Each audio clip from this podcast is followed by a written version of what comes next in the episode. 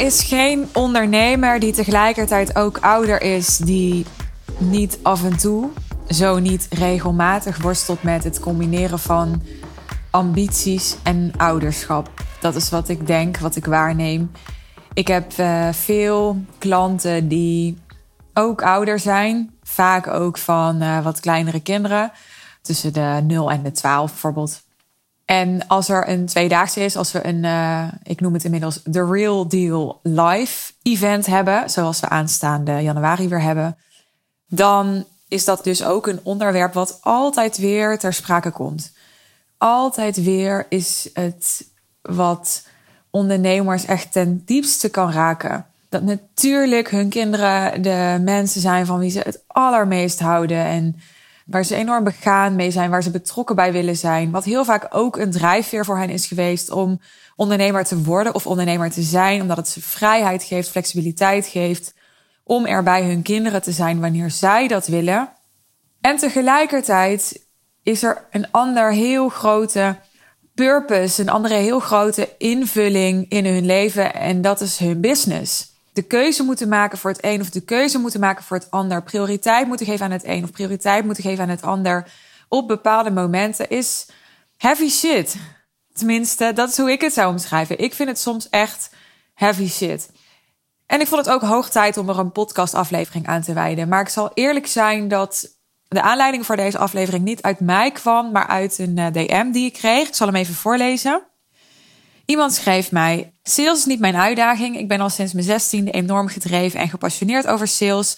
Ik wil elk jaar groter en meer en heb altijd mijn doelstelling overtroffen. Als commercieel directeur en ondernemer help ik bedrijven sales teams bouwen en dat vond ik altijd fantastisch.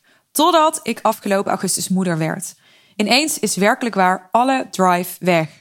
Hier ben ik deels blij mee, maar ook van in de rouw. Is dit iets waar jij over mee kan denken? Maar vooral ook ben ik benieuwd, heb jij dit zelf meegemaakt? Nou, zal ik dan beginnen met die laatste vraag. Heb ik dit zelf meegemaakt? Ja en nee. Toen ik zwanger was in uh, eh, 2019, met name, grotendeels, kwam ik natuurlijk uh, af en toe bij de verloskundige. En de verloskundige die bereidde mij erop voor. Als je straks een baby hebt, wil je waarschijnlijk nooit meer werken. Maar dat gaat over, zei ze. Dat gaat echt over, dat komt weer terug. Maar in eerste instantie dan denk je echt, uh, nee, geef mijn portie maar aan Vicky. ik doe het niet meer, ik ga niet meer werken, ik blijf voor altijd bij mijn baby. Nou, dus daar was ik heel erg op voorbereid. En of ik dat nou spannend vond als ik daaraan terugdenk, eigenlijk niet zo. Ik denk dat als ik ja, nu weer me inleef in die periode, dat ik zo niet wist wat me te wachten stond. Ik had ook eigenlijk heel weinig kinderen en baby's gekend in mijn omgeving. Ik wist echt helemaal niks van baby's. Ik had geen idee wat me te wachten stond. Dus ik had me gewoon helemaal overgegeven. Ik dacht, nou, het zal wel. Ik ga wel werken tot wanneer ik zin heb. En, en als ik weer zin heb. En nou, ik had ook een heftige zwangerschap. Dus speelde privé heel veel. Dus ik moet ook eerlijk zeggen dat ik daar ook gewoon veel mee bezig was. Veel tijd en energie ging naar de relatie. En ik ben ook in mijn zwangerschap verhuisd. En ik kreeg Abby, mijn puppy, in de zwangerschap. Dus het was ook van allerlei andere dingen. Ja, dat ik moeder ging worden, dat was voor mij zoiets wat ik niet... Ja, waar ik me eigenlijk niet echt een voorstelling bij kon maken. Ik had natuurlijk wel ideeën bij, beelden bij. Maar het was tegelijkertijd ook zoiets groots... dat ik gewoon daar ook heel relaxed weer in zat of zo. Zo van, nou ja, ik zie het wel. Ik laat het allemaal maar over me heen komen. Ik was ook niet een zwangere die. Ik heb bijvoorbeeld helemaal geen boeken gelezen over baby's. Ik heb me eigenlijk ook helemaal niet zo voorbereid op de bevalling. Ik dacht gewoon, nou ja, zoveel vrouwen doen dit. Ik zal dit ook wel kunnen. En uh, dat viel me wel een beetje tegen, moet ik eerlijk zeggen. Op het moment dat ik daadwerkelijk op die, uh, hoe heet dat, verloskamer lag. Toen dacht ik echt, holy fuck. Maar dat is een ander verhaal. Verily Joy was daadwerkelijk geboren. En ja, ik weet nog dat, dat ik die kraamweek had. Dat uh, kraamhulp kwam. En dat die kraamhulp een beetje zo probeerde te checken wat ik nodig had of waar ik behoefte aan had. Niet alleen praktisch, maar ook gewoon emotioneel als mens. En ik had mijn business toen nog alleen. Ik had nog niet eens een VA. Daar was ik mee begonnen, maar dat, dat uh, liep niet. En toen zijn we daar weer mee gestopt. Dus ik deed ook daadwerkelijk nog zelf de mail en zo op dat moment. Dus ik zei gewoon tegen haar, ik zo, ja, ik wil heel graag gewoon even mijn mail doen.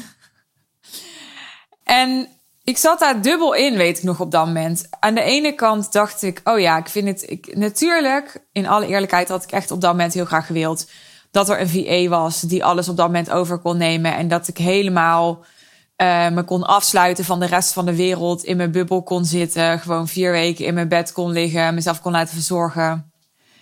En aan de andere kant, ik weet nog, ik denk echt dat er pas twee dagen om waren dat ik dacht, ik word gek gewoon. Ik word gek. Mijn hele fucking leven zijn nu luiers en heldjes en nou ja, gewoon kinderstaf, weet je wel, babystaf, gewoon verzorging en en ik moet gewoon echt moeite doen om mezelf gedoucht te krijgen op een dag. Na al die dingen die, die ouders wel herkennen, denk ik, als er een newborn is. Ik vond dat echt heftig. Ik voelde echt heel snel al oké, maar ik heb best wel veel ruimte voor mezelf nodig en ik mis die nu echt heel erg. En ruimte voor mezelf is nog iets anders dan ruimte voor mijn business, maar ja, ik had al heel snel zoiets van: oké, ik vind het wel heel lekker als hij even slaapt, dat ik gewoon, nou ja, of natuurlijk zelf ook kan slapen, maar ook dus soms even die mail kan doen, bijvoorbeeld. Dus was mijn drive helemaal weg? Uh, nee, dat kan ik niet zeggen. Wat ik wel kan zeggen is dat er opeens zoiets groots in je leven is, wat praktisch heel veel tijd en ruimte inneemt. Nou ja, niet heel veel ruimte, want de baby is maar klein, maar wel tijd en wel ruimte als in van energetisch. Dat natuurlijk je business in verhouding automatisch een veel kleiner deel van je leven wordt. Hoewel ik echt helemaal niet veel uh, gewerkt heb in mijn zwangerschap en nou, daarvoor al een business had ontwikkeld waarin ik echt veel vrijheid en flexibiliteit had. Dus het is niet zo dat ik letterlijk heel veel werkte. Kun je ook terug horen in uh, podcasts die heet Van nul naar een miljoen, wat is de status? Zoiets dergelijks. Nou, daarin uh, deel ik wat over de start van mijn business en, en hoe die zich ontwikkeld heeft. En dus ook dat ik tijdens mijn zwangerschap en in die eerste jaren helemaal niet veel werkte. Nog steeds vind ik het heel belangrijk dat ik met mijn business mijn ideale leven kan faciliteren en dat mijn business niet mijn leven opeet. Maar terug naar het uh, moederschap. Ik herken me er dus niet in dat gelijk heel mijn drive weg was. Ik herken me er wel in dat die laserfocus die ik echt heel erg kan hebben. Zo van oog op het doel en gewoon, uh, ook al werk je niet heel hard, wel echt heel erg gefocust en je niet laten afleiden en, en consistent zijn. En nou, dat werd natuurlijk helemaal overhoop gegooid met zo'n life-changing event. Want ja, die laserfocus, vergeet die maar. Je hebt, je hebt hormonen, je hebt slaapgebrek, je hebt een, een, een baby die je nog moet leren kennen, waar je nog op ingespeeld moet raken. Uh, je hebt opeens hele andere prioriteiten. Je hebt een heel ander dagritme. Er is veel meer onvoorspelbaarheid. Dus ja, mijn, mijn gewoonte werd helemaal overhoop gegooid.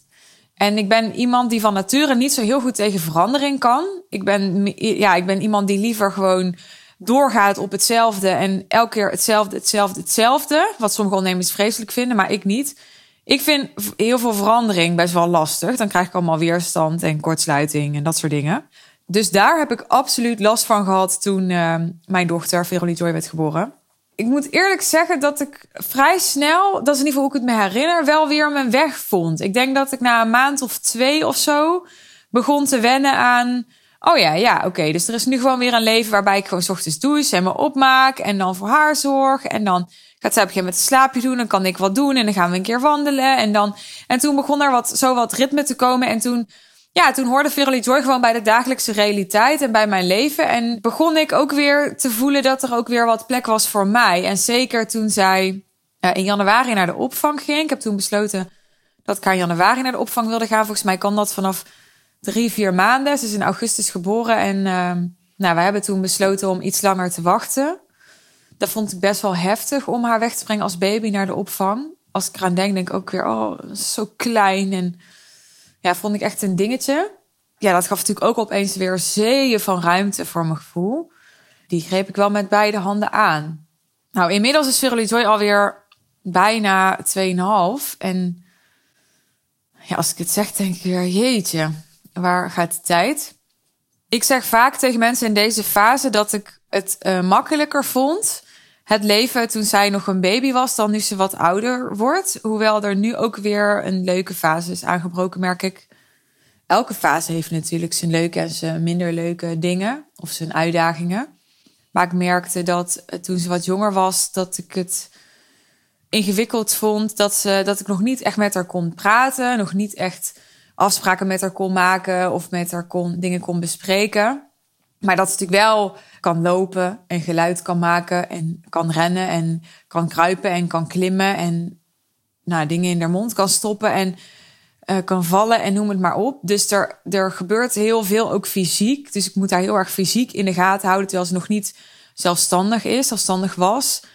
En nou, dat vond ik best wel een uitdaging. Terwijl uh, toen zij baby was, ja, dan deed ik haar heel vaak gewoon in de draagzak. En dan ging ik wandelen en dan ging zij lekker slapen in die zak. En dan, nou heerlijk, zo'n babytje tegen me aan. En nu begint ze langzaam weer wat meer, of niet weer, maar langzaam wat meer zelfstandigheid krijgen. Dus kan ze natuurlijk nog niet zelfstandig aankleden en zo. En dat soort dingen. Ja, het is wel een fase waarin ik nu echt wel uh, interactie kan hebben met haar. En ze me steeds beter begrijpt als ik dingen tegen haar zeg. En uh, dat uh, gaat niet over het combineren van ambities met ouderschap. En toch ook weer wel. Want ik heb wel gemerkt en ook geaccepteerd dat het een illusie is om te denken dat er een moment komt dat je denkt.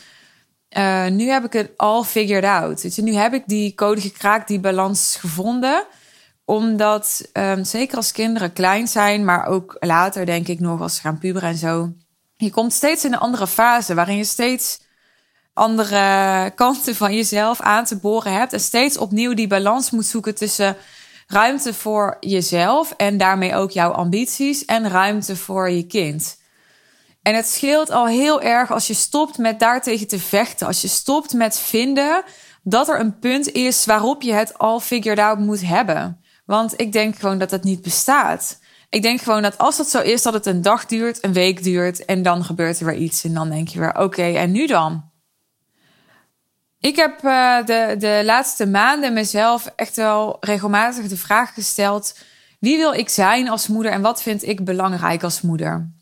Als je keuzes wilt maken of worstelt met prioriteiten, dan denk ik dat het goed is om terug te vallen op je kernwaarden. Dat waar jij heel veel waarde aan hecht. En dat is waar ik mee bezig ben als ik mezelf de vraag stel: wat vind ik belangrijk?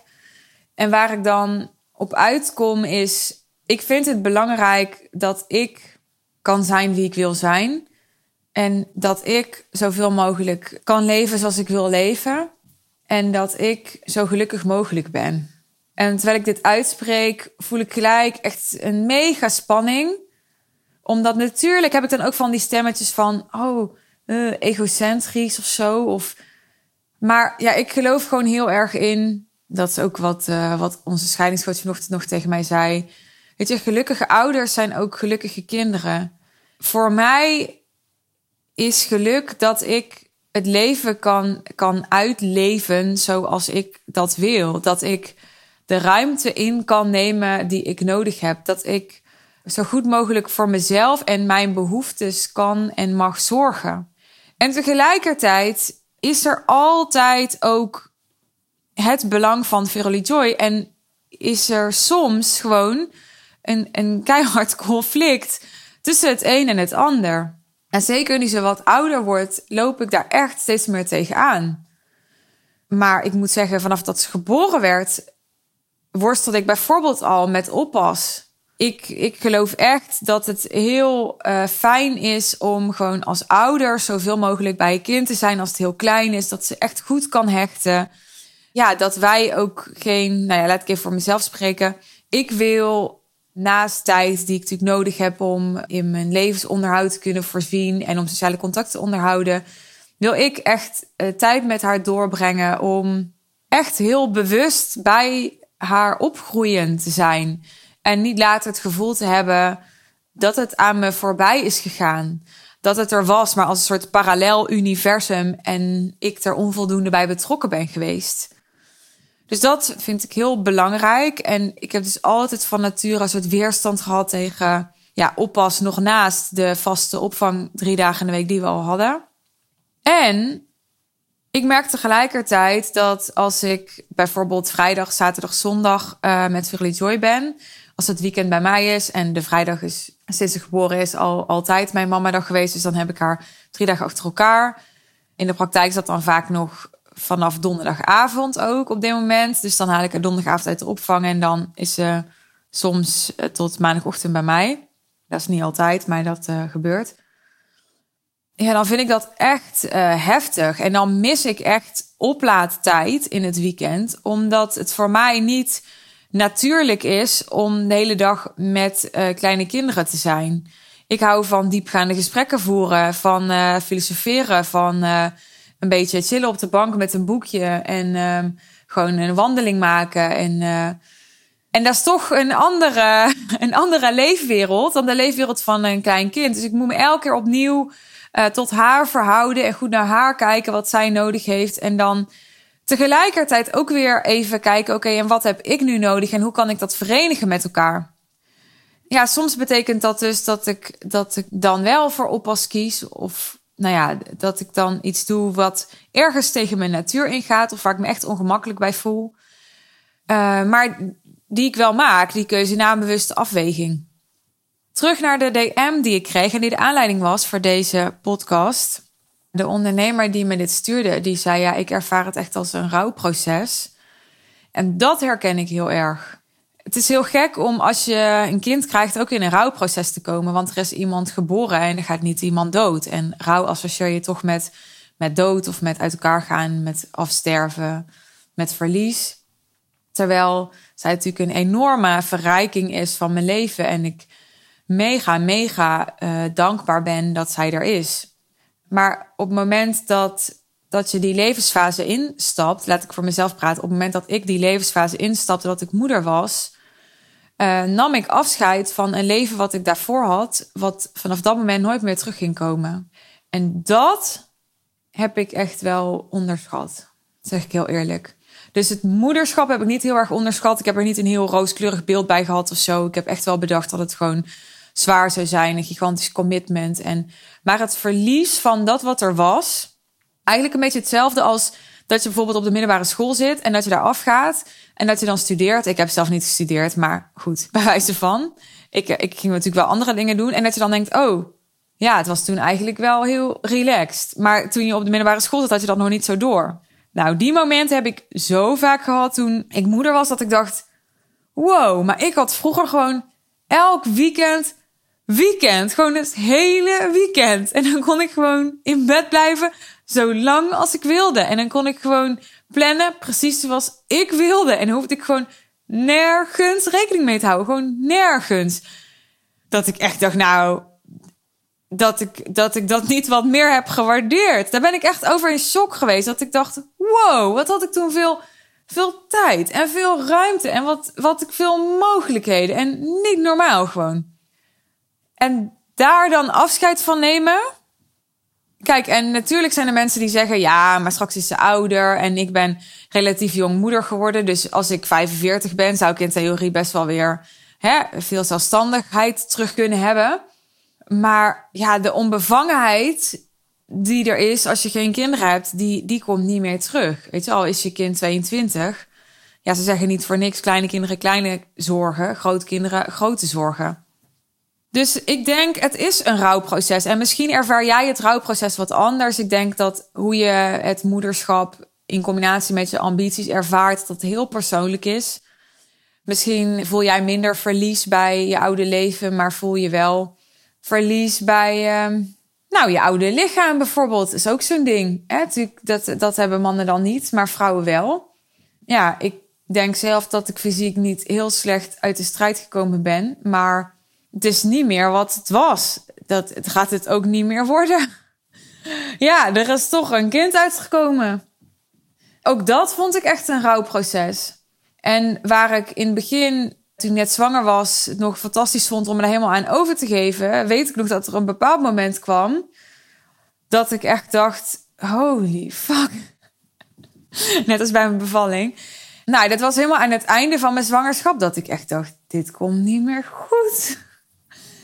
Maar was vooral ook toen ik bevallen was, dat ik echt dacht: oh mijn god, mijn lichaam is gewoon een soort, ik weet niet, bouwput. Zo voelde het, is ook gewoon een soort ravage.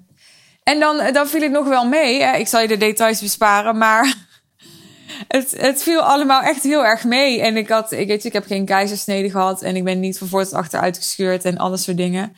Heb ik je toch wel details gegeven. Maar het was echt in die zin prima. Maar toch, je bent net bevallen en je hebt gewoon een soort 20 weken buik. En ik dacht echt, kan iemand me vertellen wanneer dit weer soort van strak wordt? Dus ook dat was echt een rouwproces. En dan denk je misschien, ja, wat heeft dat te maken met ambities combineren met ouderschap? Nou, dat, dat roept allemaal emoties op. En dat vraagt allemaal space om dat uh, te verwerken en een plek te geven. En dat is denk ik ook wel echt dus een verschil tussen mannen en vrouwen. Dat ja, vrouwen krijgen er gewoon een hele handel bij als ze een kind krijgen. Ten opzichte van mannen. Ja, dat, dat is heftig. Dat is heftig. Maar ik heb nooit gedacht, oké, ik ga echt uh, nu uh, de boel helemaal op een laag pitje zetten. Of uh, nou, ik heb geen zin meer. Of uh, nee. Natuurlijk zijn er momenten geweest dat ik het heel ingewikkeld vond. Natuurlijk zijn er ook momenten geweest dat ik dacht: oh, het zou wel heel chill zijn als ik gewoon helemaal niet meer ehm, had hoeven werken voor mijn geld op dit moment. Als ik gewoon alleen nog maar hoefde te werken als ik zin had. zo was het gewoon niet. Ik moest gewoon nog in mijn inkomen voorzien. Maar ik ben op een andere manier mijn uh, business en ondernemen en mijn ambities juist ook veel meer gaan waarderen sinds ik moeder ben. Waar ze er eerder gewoon waren en ik er niet zo bij stil stond. Zijn het nu, is het nu voor mij echt iets om, om te koesteren en om te beschermen. En omdat het niet meer zo vanzelfsprekend is dat er altijd uh, ruimte voor is. En dat ik altijd de impulsen rondom mijn ambities zomaar um, kan volgen zonder dat ik daarover na hoef te denken of dat daar consequenties aan zitten. Dus alles is veel bewuster geworden sinds ik ouder ben. Ik ben veel bewuster over mijn tijd, ik ben veel bewuster over mijn keuzes, mijn prioriteiten. Maar dus ook over mijn ambities en mijn waarden en uh, wat ik belangrijk vind. En dat vind ik echt een super mooie ontwikkeling, want dat bewustzijn geeft me nog veel meer het gevoel dat ik leef en dat ik bewust leef en dat ik echt leef. Ik heb afgelopen week nog een call gehad met een klant van mij die nog niet zo lang geleden moeder is geworden. Ja, ik zag, ik herkende heel veel van de fase waar zij nu in zit. En ik zei, weet je, je bent echt aan het herijken nog. Je bent echt nog opnieuw aan het ontdekken waar je prioriteiten liggen en wat voor jou belangrijk is. Welke keuzes jij wil maken. Ongeacht wat anderen in je omgeving doen of je adviseren. Je bent echt nog ook aan het wennen aan alle extra prikkels en extra dynamieken die er nu zijn. Maar je vindt je weg. Dat, dat zie ik ook echt bij alle ondernemers die bijvoorbeeld klant bij mij zijn en die kinderen hebben die, die bijvoorbeeld 4 plus zijn. Die hebben allemaal hun weg gevonden. En uh, dat maakt het niet minder zwaar of heftig. Maar de weg is er wel. De weg is er wel. En zoals ik al zei, die moet ook regelmatig weer herzien worden. Want het verandert steeds. Jij verandert, jij ontwikkel je jij ontwikkelt je, zeker ondernemers, want die zijn over het algemeen heel veel bezig met persoonlijke ontwikkeling, althans mijn doelgroep. Dus die, ja, die zijn na drie jaar ook niet meer wie ze drie jaar geleden waren, maar hun kinderen natuurlijk ook niet. Die ontwikkelen zich mee, die komen in andere levensfases. Nog even los van dat de context zich ook ontwikkelt, dat er nu opeens zoiets is als corona, wat natuurlijk ook weer gevolg heeft voor jou en voor je kind en voor hoe je met elkaar omgaat en welke keuzes en afwegingen je maakt. Hoe het ook zij, ik wil toch echt afronden met het feit dat ik doel en dol blij ben dat ik al voordat ik ouder was, gekozen heb voor het businessmodel wat ik heb. Dat ik gekozen heb voor een jaartraject. Dat ik gekozen heb daarmee ook voor continuïteit. Voor uh, dus op de langere termijn met klanten werken. Daarmee ook continuïteit in mijn inkomen. Langdurige samenwerkingen. Grote transformaties. Ik heb geen business die heel erg afhankelijk is van grote piekmomenten. Er is niet één lancering die helemaal door het dak moet gaan, omdat ik anders uh, mijn omzetdoel niet haal. Uh, dus ik heb een heel ja, steady en stabiel en continu businessmodel. Waar ik heel veel vervulling uit haal en, en heel erg door van betekenis kan zijn. En dat daar vind ik super fijn dat daar mijn tijd naartoe gaat als ik dus niet met mijn dochter ben. Ja, dat, dat is namelijk wie ik wil zijn. Ik wil iemand zijn die echt op haar eigen manier echt van betekenis is. En ja, ook wel een soort legacy bouwt. Ik weet nog niet helemaal hoe, maar ik voel wel, ik zet echt iets in de wereld wat, Wat echt nog voor een veel groter ripple effect gaat zorgen. Wat dat nu al doet, maar wat vast nog veel meer gaat zijn. En dat gaat doorwerken op ook weer de kinderen van mijn klanten, op volgende generaties, maar ook op mijn eigen dochter. En ja, dat zijn dingen die, die belangrijk voor me zijn geworden sinds ik moeder ben. Ja, iets anders wat veranderd is sinds ik moeder ben, is dat ik zachter ben geworden, verbindender ben geworden, liefdevoller ben geworden. Allemaal dingen die allemaal echt al wel in mij zaten, maar het moederschap heeft me veel, veel milder gemaakt. Veel, veel milder. Omdat voordat ik moeder was, had ik nog de illusie dat ik veel meer controle had. Want ik kon het allemaal helemaal naar mijn hand zetten. En als het me niet meer beviel, nou dan stopte ik er weer mee. Of dan maakte ik een andere keuze. Of... En de consequenties waren alleen maar voor mij. En ja, waren nooit echt heel definitief. Omdat er volgens mij bijna niks zo definitief is in het leven als een kind krijgen. En toen Verily Joy kwam, toen, ja, toen veranderde dat allemaal. Weet je, als je kind ziek is, kan je op je kop gaan staan. Je kan op de beste manier voor haar zorgen, maar dan is ze gewoon ziek en daar heb je geen controle op. als een ander ziek is, kan je zeggen, nou vervelend voor je succes ermee, maar bij je kind niet.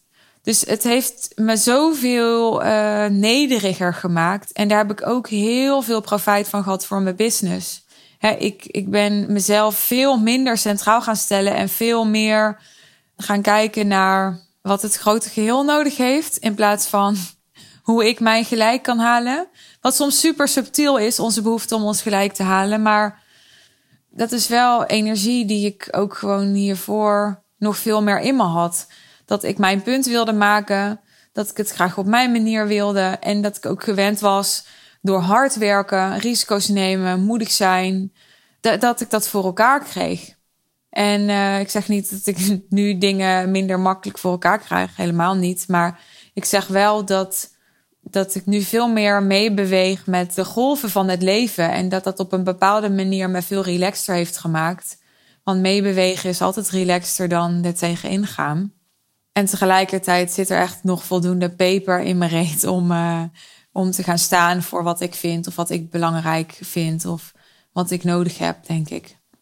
Zo, een heel verhaal van een half uur met uh, mijn ervaringen, mijn gedachten en mijn ideeën over je ambities combineren met het ouderschap. Ik hoop dat je er iets hebt uitgehaald voor jezelf waarvan je denkt: oh ja, ja, dat heeft weer even aandacht nodig bij mij. Of oh ja, dat had ik even nodig om te horen. Dankjewel. Mocht je willen reageren, doe dat gerust. Je kunt me DM'en op mijn Instagram. Volg je me daar nog niet? Je vindt de link van mijn Instagram in de omschrijving van deze aflevering. Ik wil je heel erg bedanken voor je aandacht en um, je uitnodigen om je te abonneren op mijn podcastkanaal als je dat nog niet hebt gedaan. Je kunt je abonneren via iTunes of mijn kanaal volgen via Spotify, afhankelijk van waar je luistert. Ben je nou al groot fan van de podcast, zou ik het enorm tof vinden als je me een 5 eh, review wilt geven op iTunes. Dank je wel alvast daarvoor. Geniet van je dag of je avond of de nacht misschien wel als je s'avonds laat in bed luistert. Ik ben echt een stiekem nachtdier. Heb het goed. Tot snel.